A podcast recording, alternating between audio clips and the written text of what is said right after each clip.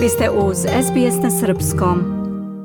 Đorđe Milićević, ministar bez portfelja zadužen za odnose sa dijasporom, rekao je prošle nedelje da više ne postoji nepoverenje dijaspore prema Srbiji koje je, kaže, postojalo pre 11 godina, dodajući da su Srbi magde živjeli danas spremni za razgovor. Za mene je jako važno, znate, kao ministra koji se u okviru vlade Republike Srbije, Srbije bavi ovim pitanjem, što sam za nepunih 100 dana shvatio da nepoverenje koje je postojalo od strane dijaspore u Srbiju u ovom trenutku ne postoji. I moram da kažem, pre svega, zahvaljujući jednoj odgovornoj, stabilnoj politici koju vodi predsednik Srbije Aleksandar Vučić, koji vodi državno rukovodstvo, politici koja na prvom mestu ima čoveka, politici koja je stvorila jedan jak i snažan pravni sistem, što jeste garant za ulaganje u Srbiju, jer podsjetit ću vas samo tokom protekle godine, mi smo imali strane direktne investicije u iznosu od 4,4 milijarde eura, pa ne bi strani investitori ulagali da nemaju pravnu sigurnost u Srbiji.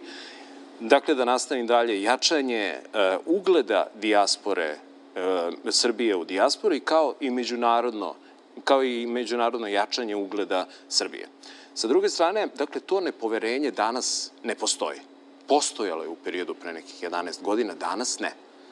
Danas su Srbi ma gde živeli spremni za razgovor i velika želja njih je, verujte mi, da se vrate u Srbiju. Evo, baš juče sam razgovarao sa dečicom iz Hanovera, koji su predstavnici kulturno-umetničkog društva, inače deo su tu jednog projekta Beokampa koji je fantastično organizovan, imao sam prilike sa njima da razgovaram i onako pokušao sam malko da relaksiram atmosferu, pitao ih šta je to što bi želeli da budu kada, kada porastu.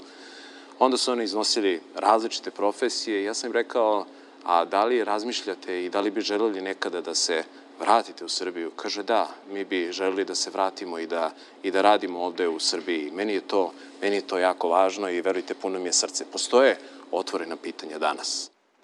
Ministar Milićević za Tanju kazao da su definisani ciljevi ministarstva, pokušat ćemo, koliko je to moguće, da se ekonomski povezujemo i da povezujemo našu akademsku zajednicu. Zatim je nastavio.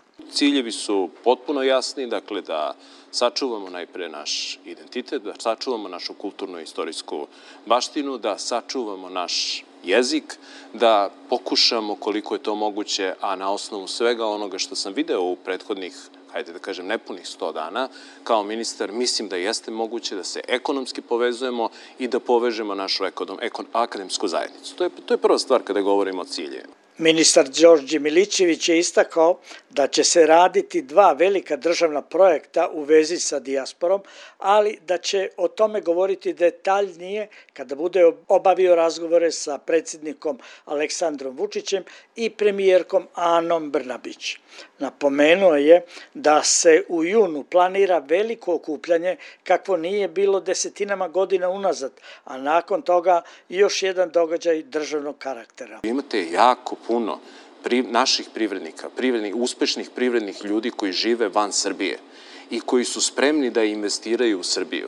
Važno je da te privrednike povezujemo sa našim privrednicima u Srbiji i da sagledavamo zajedno šta su to potencijali i šta to mogu biti tačke zajedničkog ulaganja, šta to može biti zajednički imenitelj. Da bi sagledali sva otvorena pitanja, moramo da obavimo mnogo razgovora. Moramo sa svima da razgovaramo, jer oni očekuju, oni vape za razgovorom. Iz Beograda za SBS radio Hranislav Nikolić. Želite da čujete još priča poput ove? Slušajte nas na Apple Podcast, Google Podcast, Spotify ili odakle god slušate podcast.